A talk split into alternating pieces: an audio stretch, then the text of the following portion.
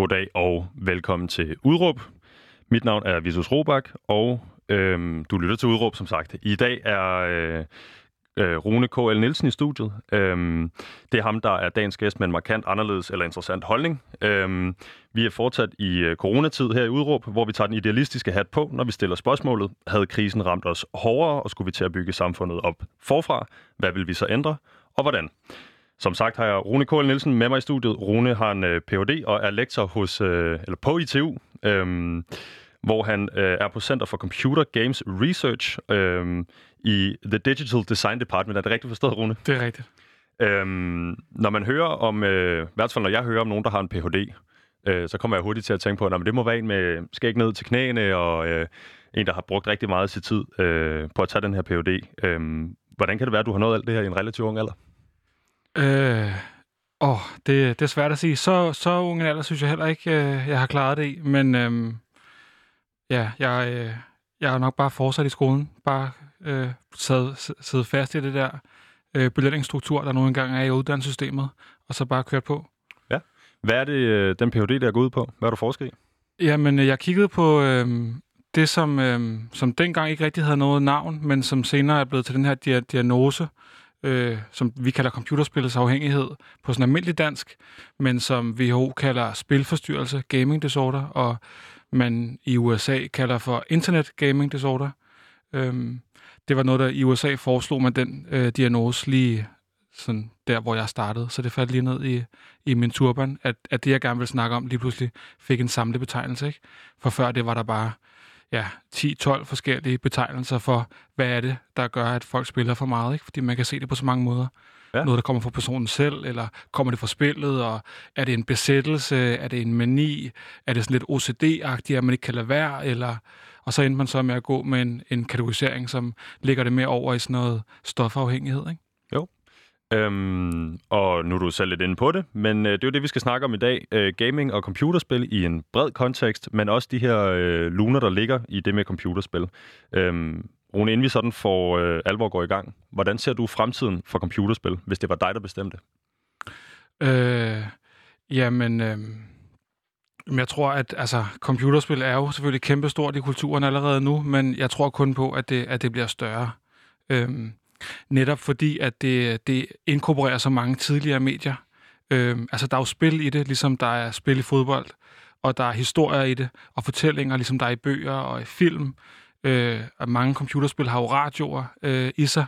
Jeg har selv hørt rigtig meget øh, af det soundtrack, der var til GTA Vice City. Ja, jeg skulle til at sige det. Det som, har jeg også. Som er det her kæmpe store boxset med ligesom, altså, hvor der er nogen, der alvorligt har dykket ned i 80'erne og fundet det bedste. Ikke bare af poppen, men af rocken og af alt, hvad man ligesom hørte i 80'erne, ikke? Jo.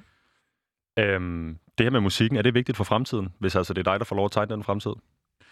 Øh, ja, men jeg synes jo, en, en perfekt fremtid for mig er jo netop en fremtid, hvor der er en myriade af forskellige computerspil. Øhm, jeg har godt blivet lidt træt af, at øh, alle de her store blockbuster-spil, som ligner hinanden. Jeg er lige begyndt at spille Call of Duty, øh, det nye, der er udkommet, og da jeg havde spillet en halv time, så sad jeg og tænkte, har jeg egentlig spillet det her før?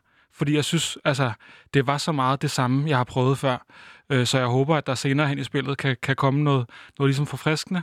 Men jeg synes, der er en, en lidt kedelig tendens til, at man bare udgiver øh, i samme serie af spil. Så jeg, jeg ved ikke engang, hvad nummer Call of Duty det er, men det er rigtig meget, ikke? Jo. Er det også en kritik af det her øh, Battle Royale gaming mode, måske? Altså, det, hvor meget mere kan man innovere på, på noget, der egentlig var skåret ret godt i H1C1? Øhm, ja, altså det kan man godt sige. Altså, nu, nu har jeg sat mig ned og prøvet at spille singleplayer-delen, ikke? Øhm, øhm, men altså, jeg synes personligt, at det der, at Battle Royale kom, var forfriskende. Altså, at det ikke bare er, øh, at to hold ligesom starter i hver sin ende af et map, og så tonser man mod hinanden og skyder løs, indtil der er et hold tilbage, ikke? Jo. Øh, så jeg synes, det var forfriskende. Øhm, men det er jo selvfølgelig ingenting i forhold til, hvad der sker øh, inden for sådan nogle indie-spil, altså små spil, der bliver ud, udviklet i, øh, i små studier. Ja. Øhm, jeg skal selvfølgelig forklare til lytterne derude, der måske ikke er klar over, hvad Battle Royale er. Det er en, øh, et computerspils mode, hvor man øh, smider omkring, ja, det kan være alt mellem øh, 50 og 100 spillere ned på en ø, og så er det ligesom den sidste mand, der står tilbage, der får lov at vinde det her. Men både øh, forskellige gaming modes og Call of Duty skal vi nok komme tilbage til. Øh, her, vil jeg, altså her til start med vil jeg gerne egentlig snakke om, hvad er gaming, og hvor kommer det fra? Mm. Altså, øh, gaming er jo et enormt bredt begreb, der dækker over alt fra den word feud, man måske har kørende med sin moster, til de mere mm. dedikerede gamer, øh, dem vi blandt andet kender fra e-sportsverdenen, eller når vi hører som spil, om spil øh, som World of Warcraft, Fortnite eller FIFA. Øhm, det kunne man jo blandt andet have hørt om her i øh, udgangen af weekenden, hvor danske Mohamed Darami vandt en FIFA-turnering øh, afholdt af EA Games. Men selvom ordet gamer blev optaget i den danske retskrivningsordbog øh, allerede tilbage i 97, så har mennesker sådan set gamet siden 3000 år før Kristi fødsel. Det er alt efter, hvor vi sætter den her grænse. Mm. Øhm, begreberne omkring gaming øh, skal vi nok sørge for at få uddybet i løbet af udsendelsen, øh, for at have alle med. Men øh, altså, Rune, de her oldtidsspil er jo ret fascinerende. Mm. Øh, men det, vi sådan set skal snakke om i dag, er gaming i den digitale tidsalder. Mm. Øh, så jeg kunne godt tænke mig at lægge ud med at spørge, hvad er din første gamingoplevelse? Øhm, åh, hvad er den første? Jamen, jeg tror, det må have været på en eller anden grillbar med en af de her øh, øh, arkadespil, hvor man kunne putte, øh, jeg tror, det kostede enten 3 eller 5 kroner at komme i gang med de her spil, ikke? Så der har jeg måske spillet noget Street Fighter 2, eller øh, Breakout, tror jeg, jeg har spillet øh, i USA i, i 90'erne. Ja, Street Fighter 2, kan du lige kort forklare? Ja, men det er jo sådan, sådan en klassisk øh, kampspil, hvor at øh, man enten spiller alene eller, eller mod en ven, og så styrer man hver sin øh, figur, og så skal man øh, kombinere spark og slag og hvad de ellers kan øh, af mærkelige ting øh, for at besejre den anden person. Ja, det var det, der i min, øh, i min barndom hed Taken, tror jeg. Ja, præcis. Stort, stort set, ikke? Ja. Øhm, hvad betyder gaming for dig? Uh, jamen, gaming betyder meget for mig. Nu har jeg jo altså, af en eller anden mærkelig øh, snørklet vej ind med at gøre det til min levevej og, og forske i computerspil og undervise øh, øh, universitetsstuderende i computerspil. Øhm, men jeg tror, altså jeg startede jo rigtigt med det, da, da jeg fik en, en Commodore 64 i fødselsgave øh, tilbage i 80'erne engang, øhm, som var nogle andres aflagte, fordi der var kommet noget nyere og smartere, men det var jeg for lille til at vide. Så jeg var fint tilfreds med, med sådan en båndstation, hvor man skulle trykke play, og så skulle man lære at skrive run og load og, og alle mulige andre øh, kommandoer. Ikke? Øhm, så det betyder rigtig meget. Jeg tror også, det har også formet, altså det har givet mig en kærlighed, en forkærlighed for sproget engelsk, fordi jeg har ligesom været nødt til at lære engelsk for at kunne, kunne, kunne spille, ikke? Øhm, øh, så jeg har altså også læst rigtig meget på engelsk, og ligesom været fascineret af, af, af USA, og øh, ja, det, så jeg tror, det griber sådan dybt ind i mange ting. Ja. Og, og det er jo noget, som som jeg bruger dels til øh, bare at koble fuldstændig af og slappe af og bare være alene og sidde og nørkle med noget, øh, hvor at min farfar måske sad med sin frimærksamling nede i kælderen, så tager jeg et headset på, og så svarer det lidt, lidt som til at sætte sig derned. Ikke? Jo, du tænker, øh, der er en parallel der? Ja, jeg tænker, der er en parallel. Altså, jeg synes, jeg kommer fra en lang række af, af, af mænd, som har interesseret sig for sådan nogle lidt nørdede, øh, obskure øh, øh ting, man kan sidde og lave alene, om det så er det skak eller frimærker, ikke? Men så er gaming jo også for mig en social platform, øh, som har givet mig øh, nogle fantastiske venskaber, øh, fordi at man jo, øh, i hvert fald i min voksentid, øh, har kunne øh, spille over internettet, ikke? Jo. Øhm, det er jo så også i løbet af dit liv, at vi ser den her udvikling fra de klassiske todimensionelle spil. Øhm, det kunne være Street Fighter, det kunne være Breakout, det kunne være ja, Tetris i et eller andet omfang, øhm, til de her lidt mere øh, virkelighedsnære spil. Altså spil, hvor man mm. måske øh, nemmere kunne øh, sætte sig og fordybe sig i mange timer, fordi mm. øh, den verden, man befinder sig i, er mere virkelighedsnær. Mm. Øh, hvornår er det, det sker?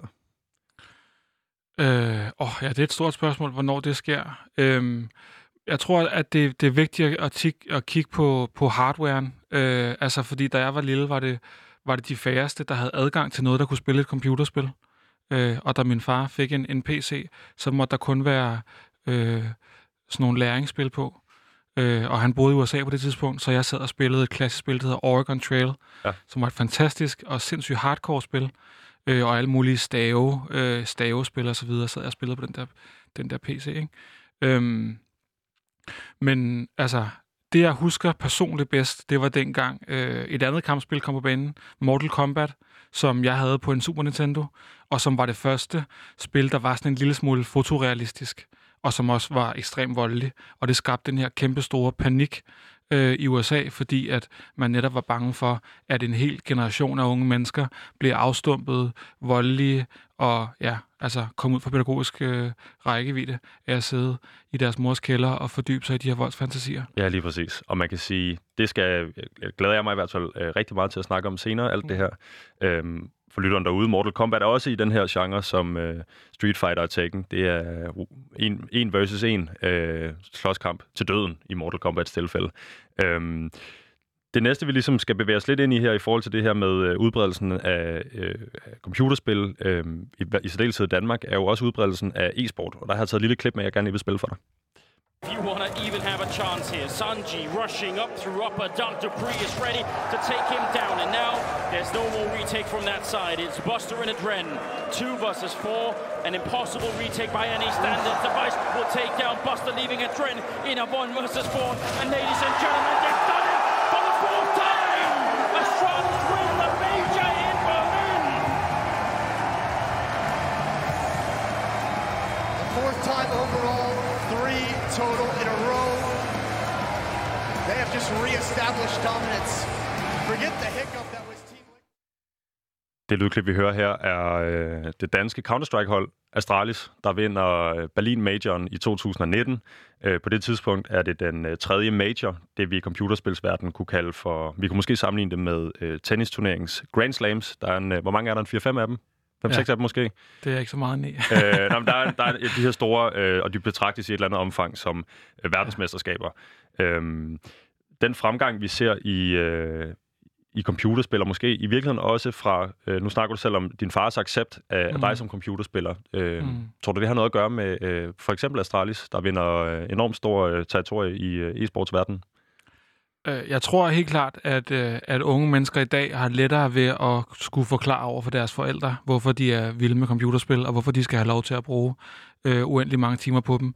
Netop fordi, at de ligesom kan sige, det her, det svarer til, øh, at jeg havde spillet skak for 50 år siden, og det ikke var noget, man kunne leve af, eller fodbold for 100 år siden, og den gamle generation forstår det ikke, og det er kun også unge, der forstår det. Ikke? Så jeg tror jo helt sikkert, at det her med, at vi ser, at man kan blive rig og, og berømt og så videre af at spille computerspil, det kommer til at være noget, der gør, at det, øh, det bliver lettere at, at legitimisere, hvorfor at man bruger tid på det. ikke. At det ikke bare er øh, ligesom at sidde og lege med Lego-klodser. Altså det ikke ses som, som børneleg, men som, som alvorlig konkurrenceaktivitet og professionel karriere. Og vi hører jo også ham kommentatoren i det her klip, som jo også er en virtuos på sin, i sin egen ret, ikke? Øhm, og øh, altså, jeg tænker, det har også været svært at, at fortælle sine forældre, at man gerne vil leve af at være fodboldkommentator engang. Øhm, og, og det er nok lidt det samme, som man står i i dag, hvis man drømmer om at være, at være verdens bedste e-sportskommentator og komme ud til, til rigtig mange mennesker. Ja. Og der er selvfølgelig også noget med de her øh, price pools, og hvor mange penge, der er involveret i de forskellige øh, computerspil. Counter-Strike er en af de største. Øhm, vi har snakket lidt om øh, din opvækst med øh, computerspil. Vi kan i virkeligheden gå tilbage til 67 med Brownboxen. Øh, man kunne sætte til et tv-sæt, og så kunne man sidde og have to firkanter, der jagede hinanden, eller man kunne kende den klassiske øh, den, ping-pong, øh, tror jeg, mm. den hedder. Pong. Øh, pong, ja bare. øh, vi kommer op igennem øh, tiderne, så ser vi Sega og Tai i 70'erne, øh, og i øh, min generation, der sidder vi og spiller øh, World of Warcraft, øh, mm. og lige pludselig inde i en verden, øh, der sluger helt vildt meget af både mig og min kammeraters tid, da vi er små. Mm. Hvor tror du, øh, vi er om 20 år? Øh, ja, det synes jeg er svært at sige, fordi at for for over 20 år siden, der var VR det, det helt store, der lå lige rundt om hjørnet, og jeg spillede, tror jeg, første gang VR i sådan noget 95 eller et eller andet, ikke? hvor at det, der var store film om, at lige om lidt, så boede vi alle sammen i en virtuel verden. Øh, og nu her, øh, mange år senere, så, så er det ikke rigtig sket. Øh, men det er nærliggende øh, at sige, at, at ligesom VR og de her mere beboelige verdener af fremtiden, ikke? Jo, jeg skal lige hurtigt have dig til at forklare for lytteren derude, ja. der måske ikke ved, hvad VR er. Hvad er det, det står for? Jamen, VR står for Virtual Reality, øh, virtuel virkelighed. Og det er jo det her med, at man Øh, og det, kan, det, er jo, det er jo et bredt spektrum fra bare at tage nogle briller og nogle høretelefoner på, og så ser man sig selv som værende inden, altså så kan man så bevæge sig rundt i en verden, til du ved, at man har et helt... Øh, et helt, øh, ligesom sådan en, øh, en våddragt på, med alle mulige sensorer, der kan simulere, at du bliver skudt, eller at nogen, nogen rører ved dig. Ikke? Øh, pornoindustrien har selvfølgelig været hurtig til at tage det, Det er det her klart. til sig, som de altid er, ikke? og drive meget udvikling i, hvordan kan man, hvordan kan man på tværs af, af jorden ligesom øh, prøve at bringe mennesker sammen gennem øh, elektroder. Ja. Noget, der bliver øh, kastet rigtig, rigtig mange penge i. Øh, blandt andet det der øh, i pornoindustrien. Øhm, jamen, øh, det var ligesom lidt om, hvad, øh, altså, hvor computerspillene kommer fra, og, øh, og, og din historie med det. Øh, det næste, jeg gerne vil tale lidt om, det er det her med at sige, øh, computerspillets potentiale. Altså, Mm. mm. hvad, er det, vi kan, hvad er det, vi kan drive det her til, hvis vi måske øh, lægger fordommene om, at det er øh, måske kun er underholdning, øh, Mm. lidt til side, og så prøve at kigge på, hvad det er for noget øh, potentiale, der er øh, på det her marked. Øhm, man kan sige, udover de mere øh, udbredte simulationsprogrammer, øh, man for eksempel Mm. mm. bruger i luftfart, luftfartsindustrien, når man skal lære Mm. piloter øh, at flyve, øh, Mm. der har sparet en masse penge i øh, flystyrt og alt muligt andet. Øhm, så er der også en masse, øh, hvad skal man sige, øh, en masse applikationer for computerspil, der ligger langt Mm. ud over det her. Mm. Øhm, hvad er det største potentiale, hvis man spørger dig? Øh, det største forskningsresultat indtil videre, synes jeg helt klart, kommer fra øh, Pamela Cato og hendes gruppe, øh, som har som tog fat på øh, unge mennesker med kræft, som en gruppe, der er rigtig svære at hjælpe, fordi deres liv nu er, som, som det er, når man er teenager. Ikke? Øh, og der kan det selvfølgelig være svært at, at følge øh, noget meget indgribende behand, medicinsk behandling.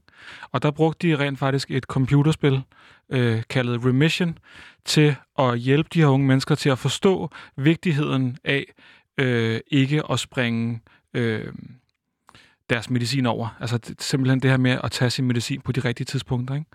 Øh, og der får de faktisk vist i et, i et ret stort studie, øh, som også har været ubeskriveligt dyrt at lave, øh, at det her computerspil simpelthen for, øh, altså øger risikoen for at overleve. Altså de har simpelthen reddet rigtig mange unge menneskers liv ved at lade dem spille computerspil, ikke? Jo. Fordi at det her spil har så har vist sig at være bedre end alle mulige andre øh, altså hvad skal man sige, øh, videoer, der forklarer det, læger, der forklarer det, pamfletter, man skal læse, øh, alle de her ting. Ikke? Jo.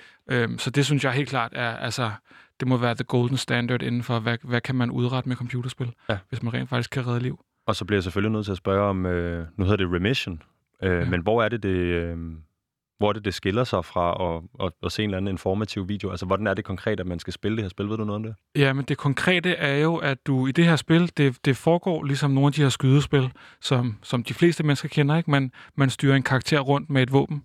I det her øh, spil, der er man så inde i kroppen og øh, skyder kraftceller. Øhm, og, og noget af det, som spillet prøver at lære de unge mennesker, det er, at hvis du blæser for hurtigt igennem, hvis du laver det, der hedder et speedrun på computerspilsprog, ikke? Prøv at komme så hurtigt igennem som overhovedet muligt, og du efterlader kraftceller, så næste gang du kommer tilbage, så er de vokset frem igen øh, og har skabt nye problemer. Ikke? Øhm, Har man så medicin med som ammunition? Eller øh, jeg ved faktisk, at man har et gevær, har jeg set. Jeg har ikke selv spillet det, jeg har set en masse klip. Øhm, så jeg ved ikke, om det, man skyder afsted af medicin, det tror jeg ikke, det er. Øhm, men det giver, øh, det gør det, hvad skal man sige, øh, krops, det giver en kropslig fornemmelse af det her med vigtigheden af at få, øh, få sygdommen banket helt ned. Ikke? Og det, de så måler på efterfølgende, det er, hvor gode er spillere, eller dem, der har spillet, versus dem, der ikke har spillet, og dem, der har spillet meget, versus dem, der har spillet meget lidt. Øhm, hvor gode er de til at øh, tage deres piller? Og det kan man så måle ved øh, at, øh, med sådan nogle øh, pilleglas, der hele tiden, du ved, registrerer, hvornår pillerne bliver spist og sådan noget. Ikke? Jo. Øhm, er der andet nu? Øh, har jeg jo øh, undersøgt lidt, og kan se, der også er øh, computerprojekter, hvor, eller computerspilsprojekter, hvor man går ind og Mm. prøver at behandle øh, PTSD for eksempel. Det kunne være folk, der har været udsendt i krig eller lignende. Ja, og det er også noget, som der bliver lavet i Danmark. Øh, netop øh, spil, og det behøver jo ikke engang at være krigsspil. Det kan være en, en, simula- en simulator af det at gå ned i supermarkedet. Så øh, det, som øh, blandt andet forskere fra ITU har været med til at udvikle, øh, sammen med forsvaret, øh, og, og en masse, en lang række forskere, er jo så de her spil, som man kan bruge i terapi, fordi man netop kan øh, i en, hvad skal man sige, i et sikkert rum blive eksponeret for noget af det mest øh, angstfremkaldende, øh, man kan forestille sig øh, for nogle af de her øh, PTSD-ramte soldater. Ikke? Og det vil sige, at man konkret øh, sender dem ind i en simulation, hvor øh, det at få løst øh, helt almindelige hverdagsopgaver øh, kan gøres i et safe space øh, hjemmefra eller på en klinik. Ja, øh, og så, og så skulle, skulle den oplevelse lægge op til, at man som øh, spiller og som øh, patient øh, Mm. kunne komme hen et sted, hvor man måske kunne gå ned og købe ind en dag. Øh, Er det det, der er Mm. tanken bag? Ja, øhm, det er lige præcis det. Man har også i USA øh, ved, at man også har altså, lavet krigsspil, hvor der så sidder en terapeut, som kan, kan sætte gang i alle de her ting, der kan minde en om, hvad der sker. Ikke? Så man sidder øh, så spiller det her spil, og man kører måske, altså måske noget vejsidebomber, noget af det mest øh, øh, grusomme, man kan blive udsat for. Ikke? Så kører man ligesom afsted i sin, i sin Humvee, det her militærkøretøj, og så sidder der så en terapeut, som kan få ting til at ske i verden, øh, som, som de mener, der, der er brug for. Ikke? Jo. Øhm, og det er jo sådan noget eksponeringsterapi, som man også øh, som man har brugt i, i, i mange år med, med alle mulige former for fobier. Ikke? Hvis man er bange for æderkopper, så kan ens psykolog øh, langsomt øh, bygge fra, at man bare sidder og tænker på en æderkop, til man i sidste ende, gennem mange, mange trin, rent faktisk har en kæmpestor flueæderkop i hånden, ikke? Øh, for ligesom at blive eksponeret. Ja. Øh, og det kan være det samme, hvis man er bange for bakterier og alle mulige andre former for fobier. Ikke? Nu fortæller du selv, at øh, din oplevelse med at ende med at gøre computerspil og gaming til din levevej, Mm. øh, dumper lidt ned i turbanden. Øhm, hvis man ligesom skal tilrettelægge behandlingsforløb for Mm. for eksempel PTSD-patienter eller folk mm. med fobier, øh, så kræver det vel også, at man har nogle enormt dygtige øh, altså fagbehandlere, nogle psykologer eller psykiater, øh, der mm. på en Mm. eller anden måde ligesom øh, øh, sørger for at tilrettelægge de her forløb. Ja. Hvad kommer først? Altså er vi ude i, at øh, der står nogle enormt dygtige softwareudviklere og mm. laver computerspil, og så mangler vi nogen, der kan finde de rigtige applikationer? Øh, eller er det den anden vej rundt, og en, noget enormt idealistisk tænkning fra folk, øh, der mm. vil behandle, og så må, må vi vente på, at computerspillene bliver udvikling, udviklet? Jamen, jeg tror, det, øh, det sker lidt sådan en vekselvirkning, ikke? at vi har flere og flere øh, mennesker, som er vokset op med computerspil som en relativt almindelig del af deres liv, og som måske, lad os sige, har spillet øh, Counter-Strike som holdsport, og har set nogle af de der potentialer, der er for at fostre samarbejde og, og give positive oplevelser, øh, som så ender med at blive pædagoger, og så arbejder øh, på specialskoler eller, eller ganske almindelige øh, med, hvad skal vi sige, almindelige i gåse og en øh, børn, som så begynder at bruge computerspil på en øh, pædago- i en pædagogisk øh, kontekst. Ikke? Jo. Og der ser vi jo netop, at, og det er jo måske lidt selvindlysende, øh, altså det er sådan lidt, øh, øh, hvad hedder den, øh, Lord of the Flies, øh, Fluernes Herre, hvis man har set den bog, ikke? med de her unge mennesker, der dumper ned på en ø. Og hvis man ligesom ser computerspil og cyberspace som, som en øde ø, hvor man bare sender alle unge mennesker ind i, og så er der ikke noget voksenkontakt overhovedet, øh, så vil det jo formentlig gå i en lidt skidt retning. Så bliver tonen grim og hård, og så bliver folk mobbet og holdt udenfor osv. Ikke? Men mange af de her pædagoger, som i dag er vokset op med selv at spille computerspil, kan jo så netop finde ud af at bruge pædagogisk praksis inde i computerspil og gøre det til en positiv og udviklende oplevelse. Præcis ligesom jeg selv har prøvet med basketball. Ikke? Det med, at du ikke bare spiller nede på, på banen øh, nede i parken, hvor at der ligesom bare ikke er nogen regler, og man selv finder ud af, hvad der skal ske, ikke? til at man rent faktisk spiller på et hold, hvor der er en træner, som prøver at bygge noget hånd og, holdånd op, og lægger vægt på sportsmanship og fair play og hårdt arbejde og alt det der. Ikke? Øhm, jeg tror, det er det, der sådan helt naturligt sker, at vi ser alle faggrupper fra læger, psykologer, pædagoger, lærere osv., som ligesom har spillet som børn og spillet som voksne, fordi jeg tror ikke, at det er noget, man, man nødvendigvis falder ud af. Så jeg tror også, at vi om 30 år kommer til at se en hel generation af pensionister, som sidder og gamer løs. Ikke? Jo. Øhm, så det her med, at man ikke ser det som noget nyt og farligt, men rent faktisk som noget naturligt, der er i verden. Øhm, og der er jo... Øhm, ja, der er sådan en, sci- en sci-fi forfatter fra England, som har sådan en fantastisk citat med, at alt det, som findes i verden, fra man er, er 0 til 20 eller noget i den stil. Ikke? Det, det er naturligt. Mhm. Alt det, der kommer frem, mens du fra 20 til, til 35 måske, det er noget nyt og spændende, som man, kan, som man kan gøre til sin levevej. Og alt det, der kommer ind i verden, efter du er 35 og til du stiller træskoene, det er noget farligt og sygt og noget, der skal øh, på alle måder bekæmpes. Ikke? Jo. Øhm, og det, det tror jeg i virkeligheden er, er sådan, er, at der er, noget, der er noget rigtigt i den indsigt. Mhm. Øhm, at, øh, at den måde, vi ligesom er vokset op på, er ligesom det, som vi, vi ser som det normale og det, og det rigtige. Ikke? Jo. Og når folk vokser op med computerspil, så ser de det også som noget, noget, noget, noget normalt. Øhm, og så tror jeg også, man får et lidt mere nuanceret billede på netop det her med, jamen, hvad for nogle negative konsekvenser er der ved, ved gaming, og er der kun negative konsekvenser, eller er det lidt som blandet landhandel, at man kan komme rigtig galt afsted, men man kan også komme rigtig godt, godt afsted. Ja. Øh, Og skal man lade øh, minoriteten måske af folk, der kommer galt afsted, definere oplevelsen for majoriteten af folk, der bare har gode oplevelser osv., ikke? ja, præcis. Øhm, der er jo, øh, altså det er jo der er fuld fart øh, fremad på alle de her øh, forskningsprojekter og programmer, der bliver udviklet til det ene og det andet, men øh, nu er det jo øh, dig, der er i studiet i dag, og derfor dig, der har muligheden for ligesom at sætte en dagsorden, hvis det Ja. skulle være. Er der noget, man kan, altså burde man bruge nogle mere kræfter et andet sted, end man gør det lige nu, eller er der, er, er der noget, de måske har fået, øh, ifølge dig, har fået forkert fat i? Altså, jeg synes jo personligt, at det er forkert at altså, snakke om, om, om et, et for stort brug af computerspil som en afhængighed. Øhm, netop fordi, at, at der er...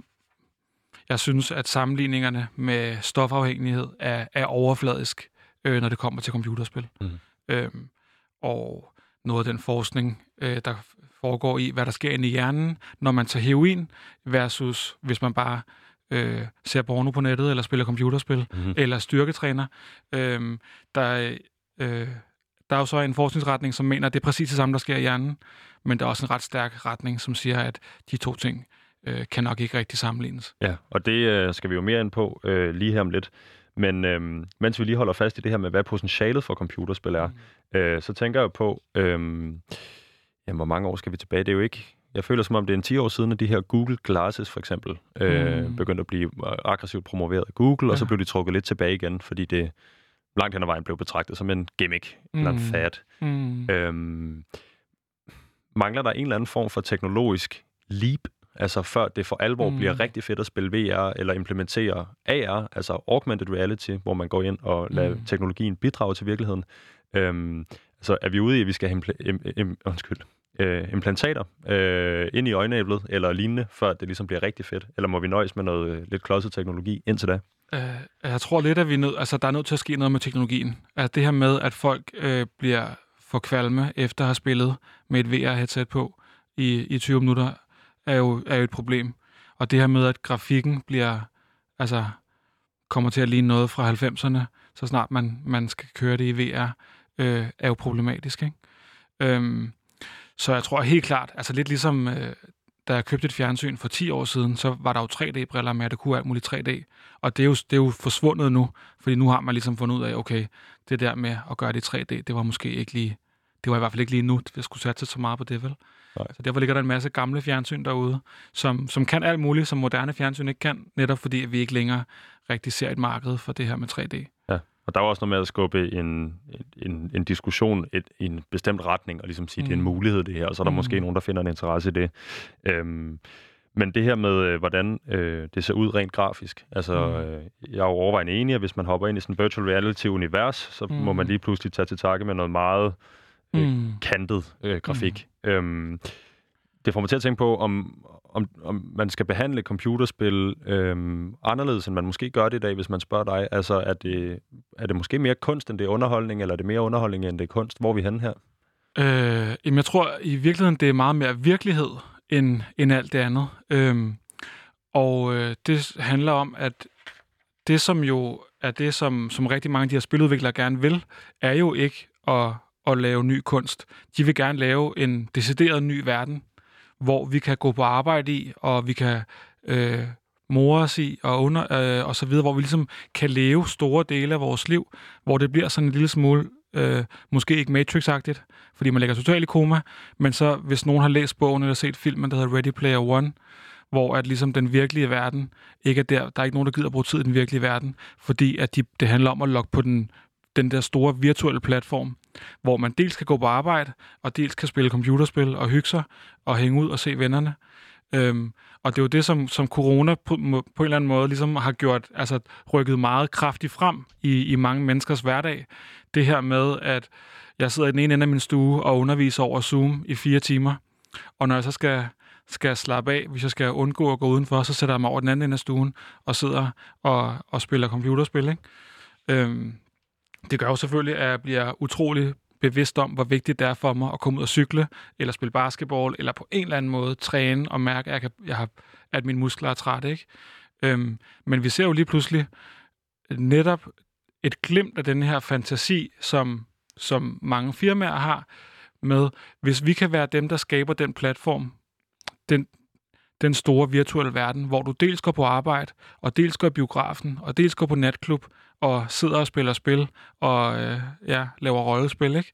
Hvis man kan lave den platform, og få folk til at generere økonomisk aktivitet derinde, så vil jo den møntfod, der er derinde, blive stærkere end, end den rigtige møntfod ude i den virkelige verden. Ikke? Fordi det er den, der handler om. Det er den, der kan købe alle de ting, man gerne vil. Ja. Og det er jo måske det, som rigtig mange øh, spilvirksomheder gerne vil. Frem for at lave kunst og lave individuelle spil, så vil de gerne eje den platform, som, som så ligesom bliver den verden, hvor rigtig meget økonomisk aktivitet foregår. Ikke? Jo, og det er jo også øh, noget, vi har set berørt i popkulturen. Black Mirror har lavet et afsnit, ja. der beskæftiger sig med det. Jeg ved, det var temaet i en uh, Rick and Morty-episode mm. uh, for et par år tilbage.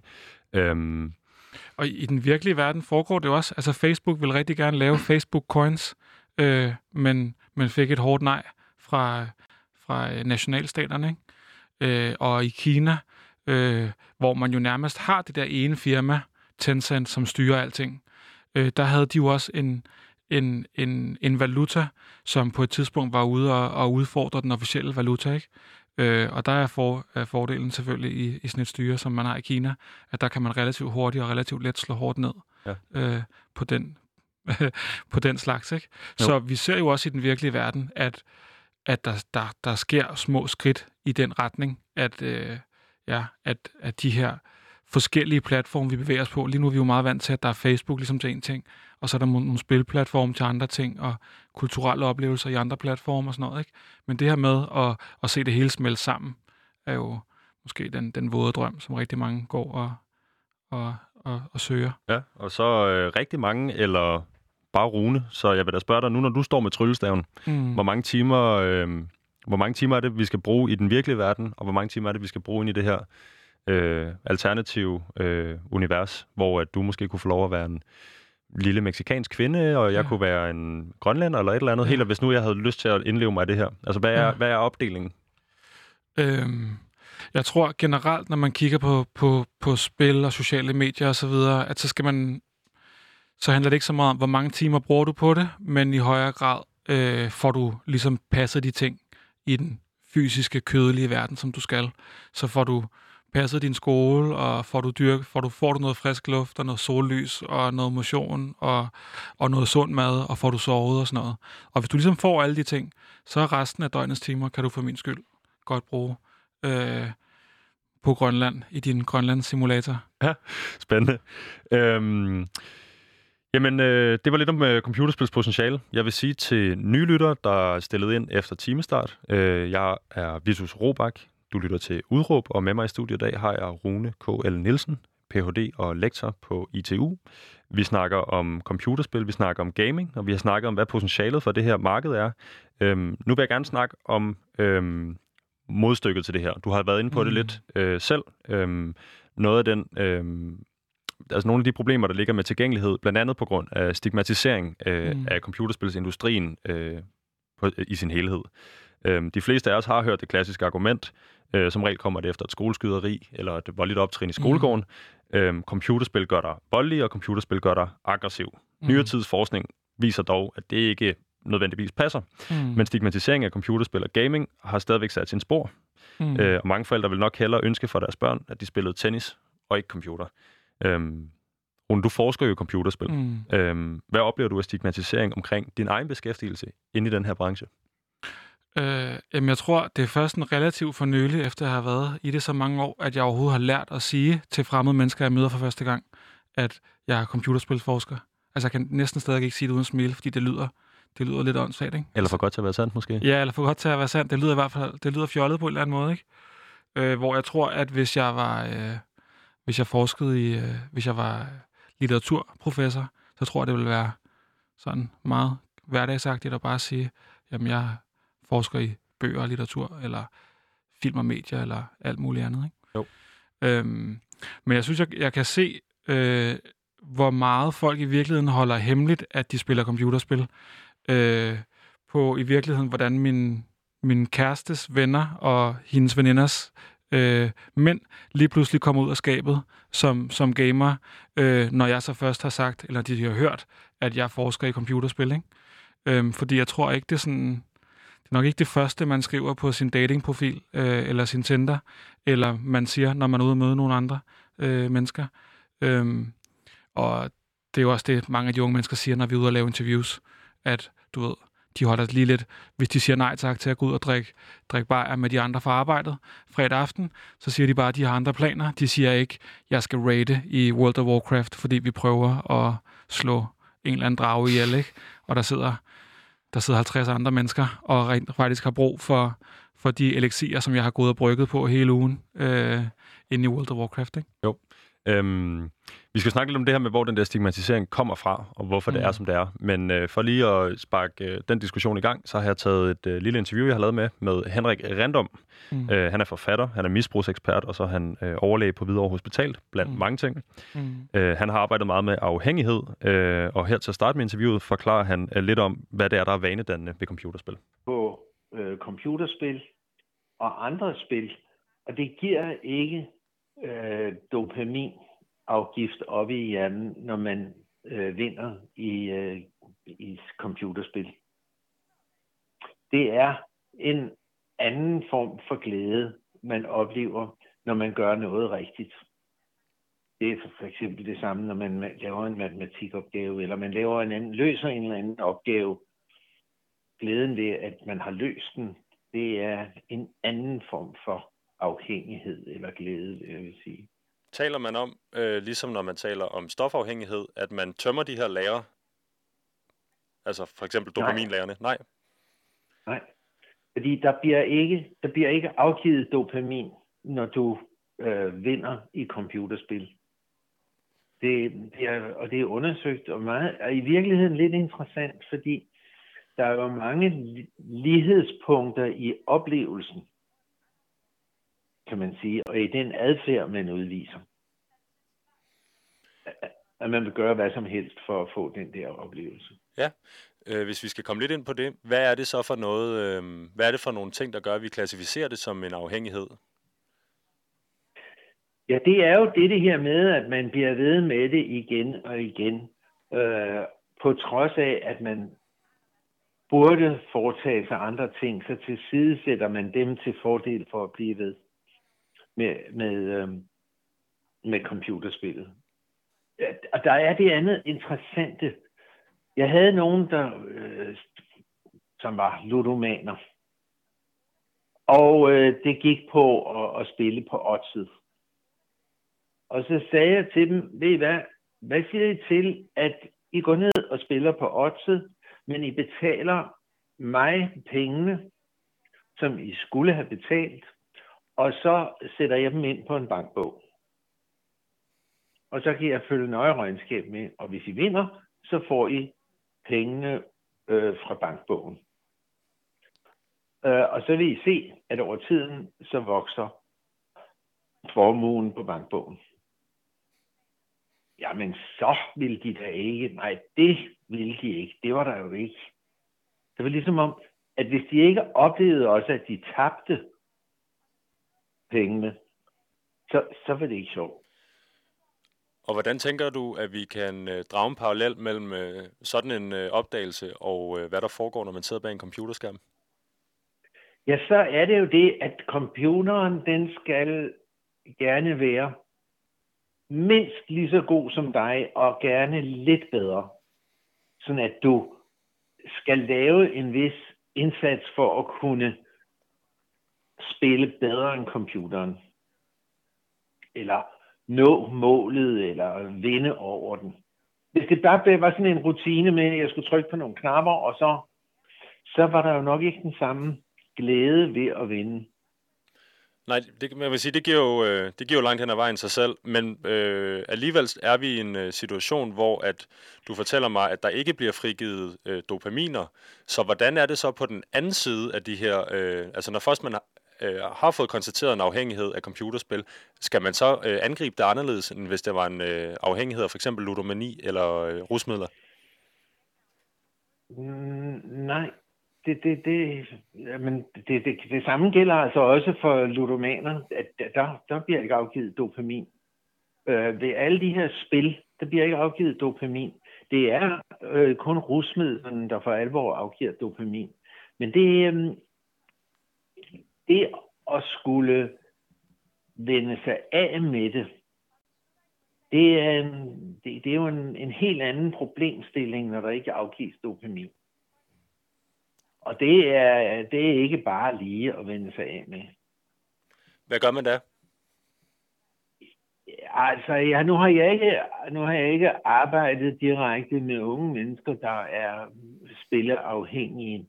Men jeg vil umiddelbart sige, at så skal man bringe dem i en situation, hvor det, man sætter dem til, er sjovere end at spille. Det er den ene ting. Og den anden ting er, at dem, dem jeg har mødt igennem tiden, de vokser fra det. Fra deres øh, spilafhængighed? Ja, de vokser fra deres spilafhængighed. Til sidst bliver det kedeligt for dem, og de vil noget andet og noget mere. Og det er modsat folk, der er stofafhængige, som ikke nødvendigvis vokser fra det. Er det sådan, det skal forstås?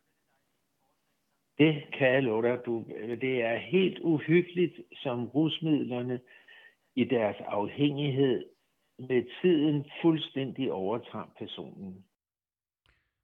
Rune Henrik snakker jo om øh, mm. de her paralleller mellem afhængigheden af computerspil og andre slags afhængighed. Det var noget, du selv var inde på øh, til at starte med. Mm. Øhm, vil du forklare lidt om det? Øh, ja, øh, jamen jeg synes, at øh, det, er et, øh, det er et fantastisk interview med, med Henrik, du har lavet, fordi jeg synes, at, øh, øh, at jeg, jeg kan ikke rigtig erklære mig uenig med ham. Selvfølgelig er der nogle, der er nogle videnskabelige sådan, pointer, som er svære at få med, og som kan blive sådan lidt, lidt fordraget, også som når jeg selv bare står her og snakker, ikke?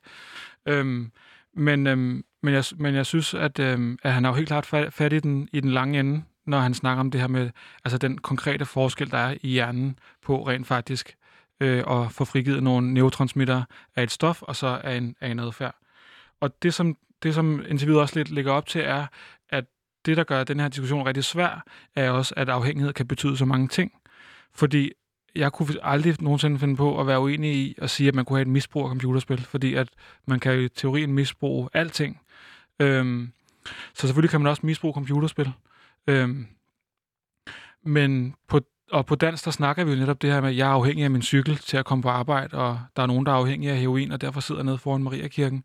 Øhm, og øhm, det helt store problem er jo netop, at man øh, ikke adskiller mellem, ligesom man gør på engelsk, med, der har man det her øh, begreb addiction, som er meget mere klinisk og medicinsk, som, som kun har den ene betydning. Ikke? Øhm, og det, som jeg synes, der er det store problem i forskningen lige nu, det er, at man i forskningen jo øh, netop går lidt imod den, den måde, som Henrik bruger øh, begrebet afhængighed på, fordi man siger, øh, indtil, indtil videre i hvert fald, der findes kun stofafhængigheder. Der findes ikke øh, sexafhængighed, arbejdsafhængighed, træningsafhængighed, computerspilsafhængighed, alt det her. Nu går man så i den anden retning, og det er stadig meget kontroversielt, og man ligesom siger, jamen, nu skal vi have sagt, at man kan være øh, ludoman, pengespilsafhængig, øh, og man kan være computerspilsafhængig. Ikke? Ludomani har jo fandtes før, men i en anden kategori, netop over i impulskontrolforstyrrelserne, sammen med pyromani og alle de her andre ting øh, som vi jo ikke ser som afhængigheder. Øh, altså folk, der hiver deres eget hår ud, til de bliver helt skaldet, øh, og ikke kan lade være, ser vi jo ikke som en afhængighed på samme måde som folk, der ryger, øh, eller folk, der, der drikker alkohol. Ikke? Nej. Øhm, så, må, jeg, må jeg lige holde fast på det nemlig, fordi øh, lige når det her med øh, afhængighed, man kan sige, øh, på den ene side kunne det være enormt sundt at få nogle øh, klare øh, måske mere kasseopdelte øh, tilgang til det, så vi, mm. så vi måske nemmere kan behandle det. På den anden side, så ser vi jo øh, langt hen ad vejen nogle af de samme adfærdsmønstre for for eksempel folk, der er spilafhængige mm. øh, i en ludomani-kontekst, eller mærke, mm. Øh, eller på anden måde stofafhængige. Altså det her med at tilsidesætte øh, venner og familie, partner mm. osv., øh, og i øvrigt øh, lade øh, forbrugen, om det så er tidsforbrug, eller pengemæssigt forbrug, eller stofforbrug, gå ud over øh, alt mm. andet i deres tilværelse. Mm. Øh, hvordan takler vi det i dit utopi?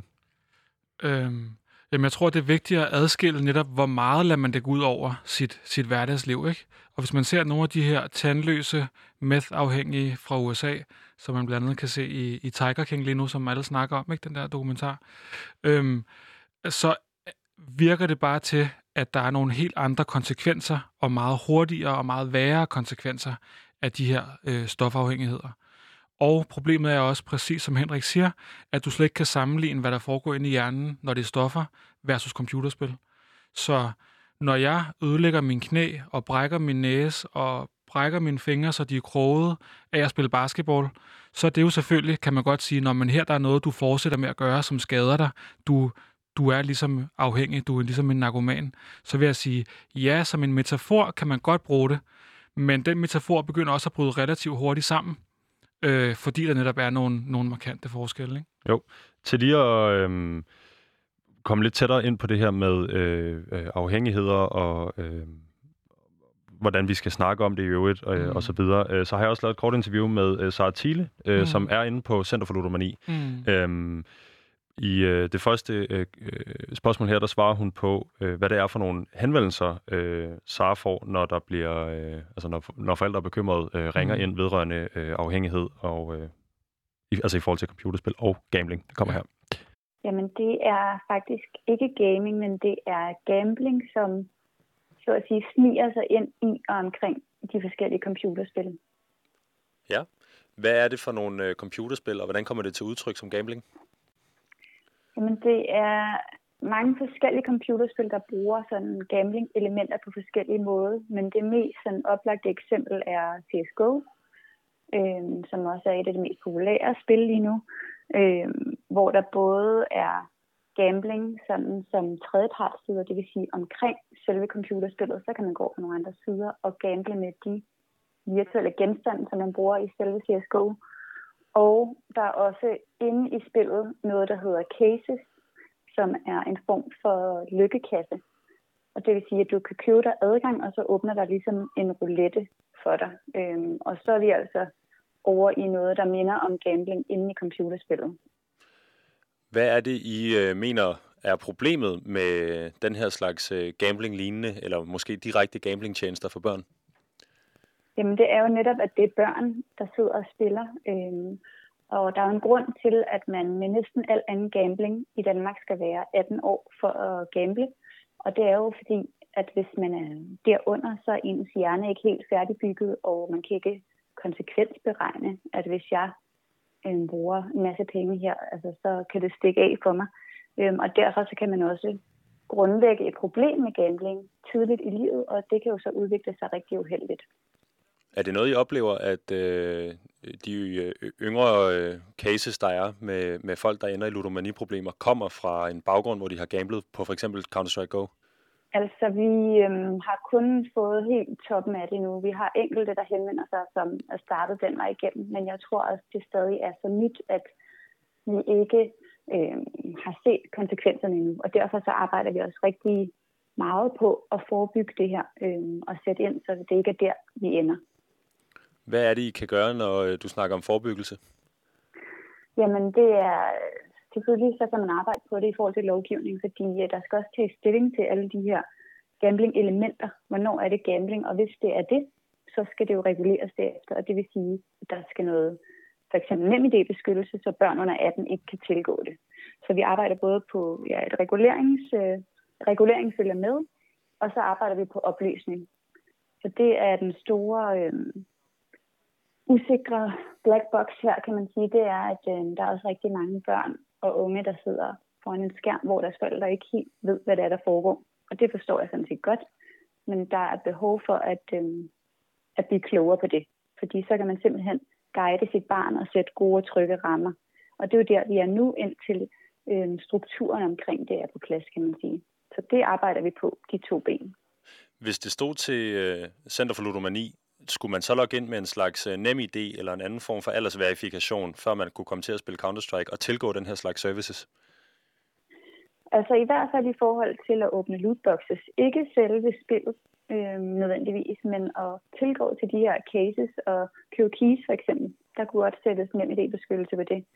Øh, men det kræver, at vi anerkender det som gambling i Danmark, og øh, det er ikke tilfældet endnu. Så indtil at den er i hus, så er vi nødt til bare at oplyse om det her og prøve at klæde forældre og børn og unge på til selv at navigere i det. Og det er ikke optimalt, men det, det er det, vi arbejder på blandt andet nu her. Hvad er det for nogle øh, skrækscenarier, I løber ind i? Altså, når det går galt, hvad vil det så sige? Hvordan går det galt? Jamen, det kan jo både være, at et barn får en rigtig ubehagelig oplevelse med pludselig at have mistet mange penge. Altså, nu er der jo de færreste børn, der har flere hundredtusind på deres konto, men øh, et par tusind for et barn kan også være rigtig ubehageligt lige pludselig at have mistet, og man sidder der og ikke ved, hvad var det, der foregik, og det er egentlig rigtige penge der bliver brugt. Altså det kan det jo også være svært at gennemskue, fordi det er sådan en anden slags valuta, der bruges. Øhm, så det er nogle rigtig ubehagelige øhm, aha-oplevelser, kan man sige, som de her familier, de oplever. Og senere hen, hvis de først kommer ind til os, kan man sige, øh, og der er gået lidt længere tid, så er det jo, at folk simpelthen har udviklet en gamblinginteresse øh, i omkring computerspillene og begynder at gamble med skins og begynder lige pludselig at udvikle den her interesse og faktisk miste kontrollen. Og så ender det jo med at skulle have øh, decideret sådan behandling eller rådgivning inden os. Og det er selvfølgelig godt, at de kommer ind til os, fordi det er det, vi er der for, og vi hjælper hjertens gerne, men øh, vi så jo gerne, at man ikke kom dertil, og at rammerne for de her spiltyper blev, øh, så vi bedre forebyggede, at flere kom dertil, kan man sige. Rune, øhm, der er lige nogle ting, vi selvfølgelig skal have afklaret, efter mm. vi har mm. hørt det her. Når Sara nævner CSGO, så er der tale om spillet Counter-Strike Go. Og mm. vil du mm. kort forklare, hvad det er, hun mener, når hun siger skins og lootboxes? Helt kort. Ja, øh, lootboxes, det er de her som øh, kasser, som man betaler penge for at åbne, og så får man et, en tilfældig øh, genstand derinde. Og det den her genstand er jo selvfølgelig virtuelt. Det er øh, et skin oftest, som er øh, rent kosmetisk. Det får dit gevær til at se anderledes ud, eller din kniv til at se anderledes ud. Men den skyder ikke hurtigt eller hårdere? Nej, det har ikke nogen påvirkning på spillet overhovedet. Det ser bare anderledes ud.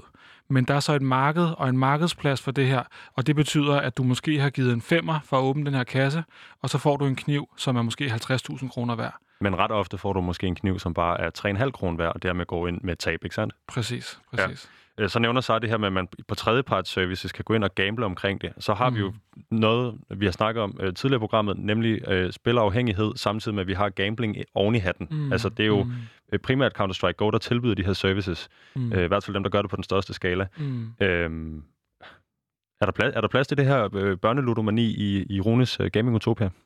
Øh, det er super svært, fordi jeg synes selvfølgelig, det er rigtig problematisk, og jeg synes øh, i høj grad det er problematisk, at man ikke kan regne ud, hvor mange penge det kommer til at bruge. Altså, hvor, du får ikke at vide, ligesom i en, altså på en spil, hvis du går ind og spiller en arm 20 knægt, kan du det mindste få oplyst, hvor mange, hver gang jeg lægger 100 kroner i, hvor meget får jeg så igen? Det er jo så typisk 88 kroner, så kan jeg sige, at det gider jeg ikke være med til.